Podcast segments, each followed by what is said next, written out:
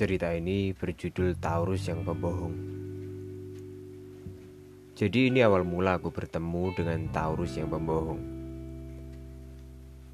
Aku menyapa seorang perempuan dengan sapaan, "Hai keras kepala."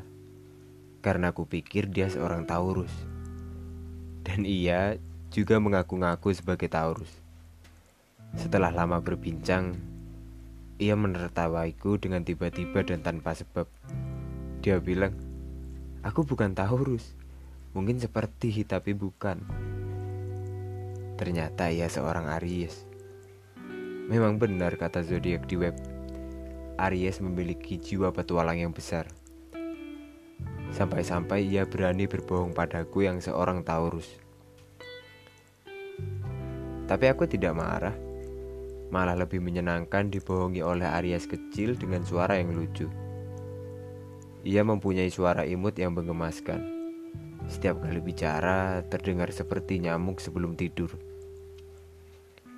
Sebenarnya aku ingin sekali mendengar suaranya setiap malam dan bangun tidurku.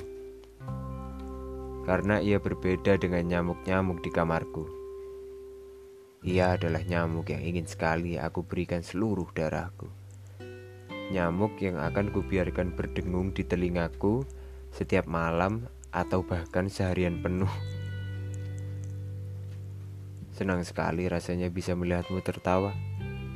Eh, maaf, bukan melihat, tapi mendengar. Karena aku jauh.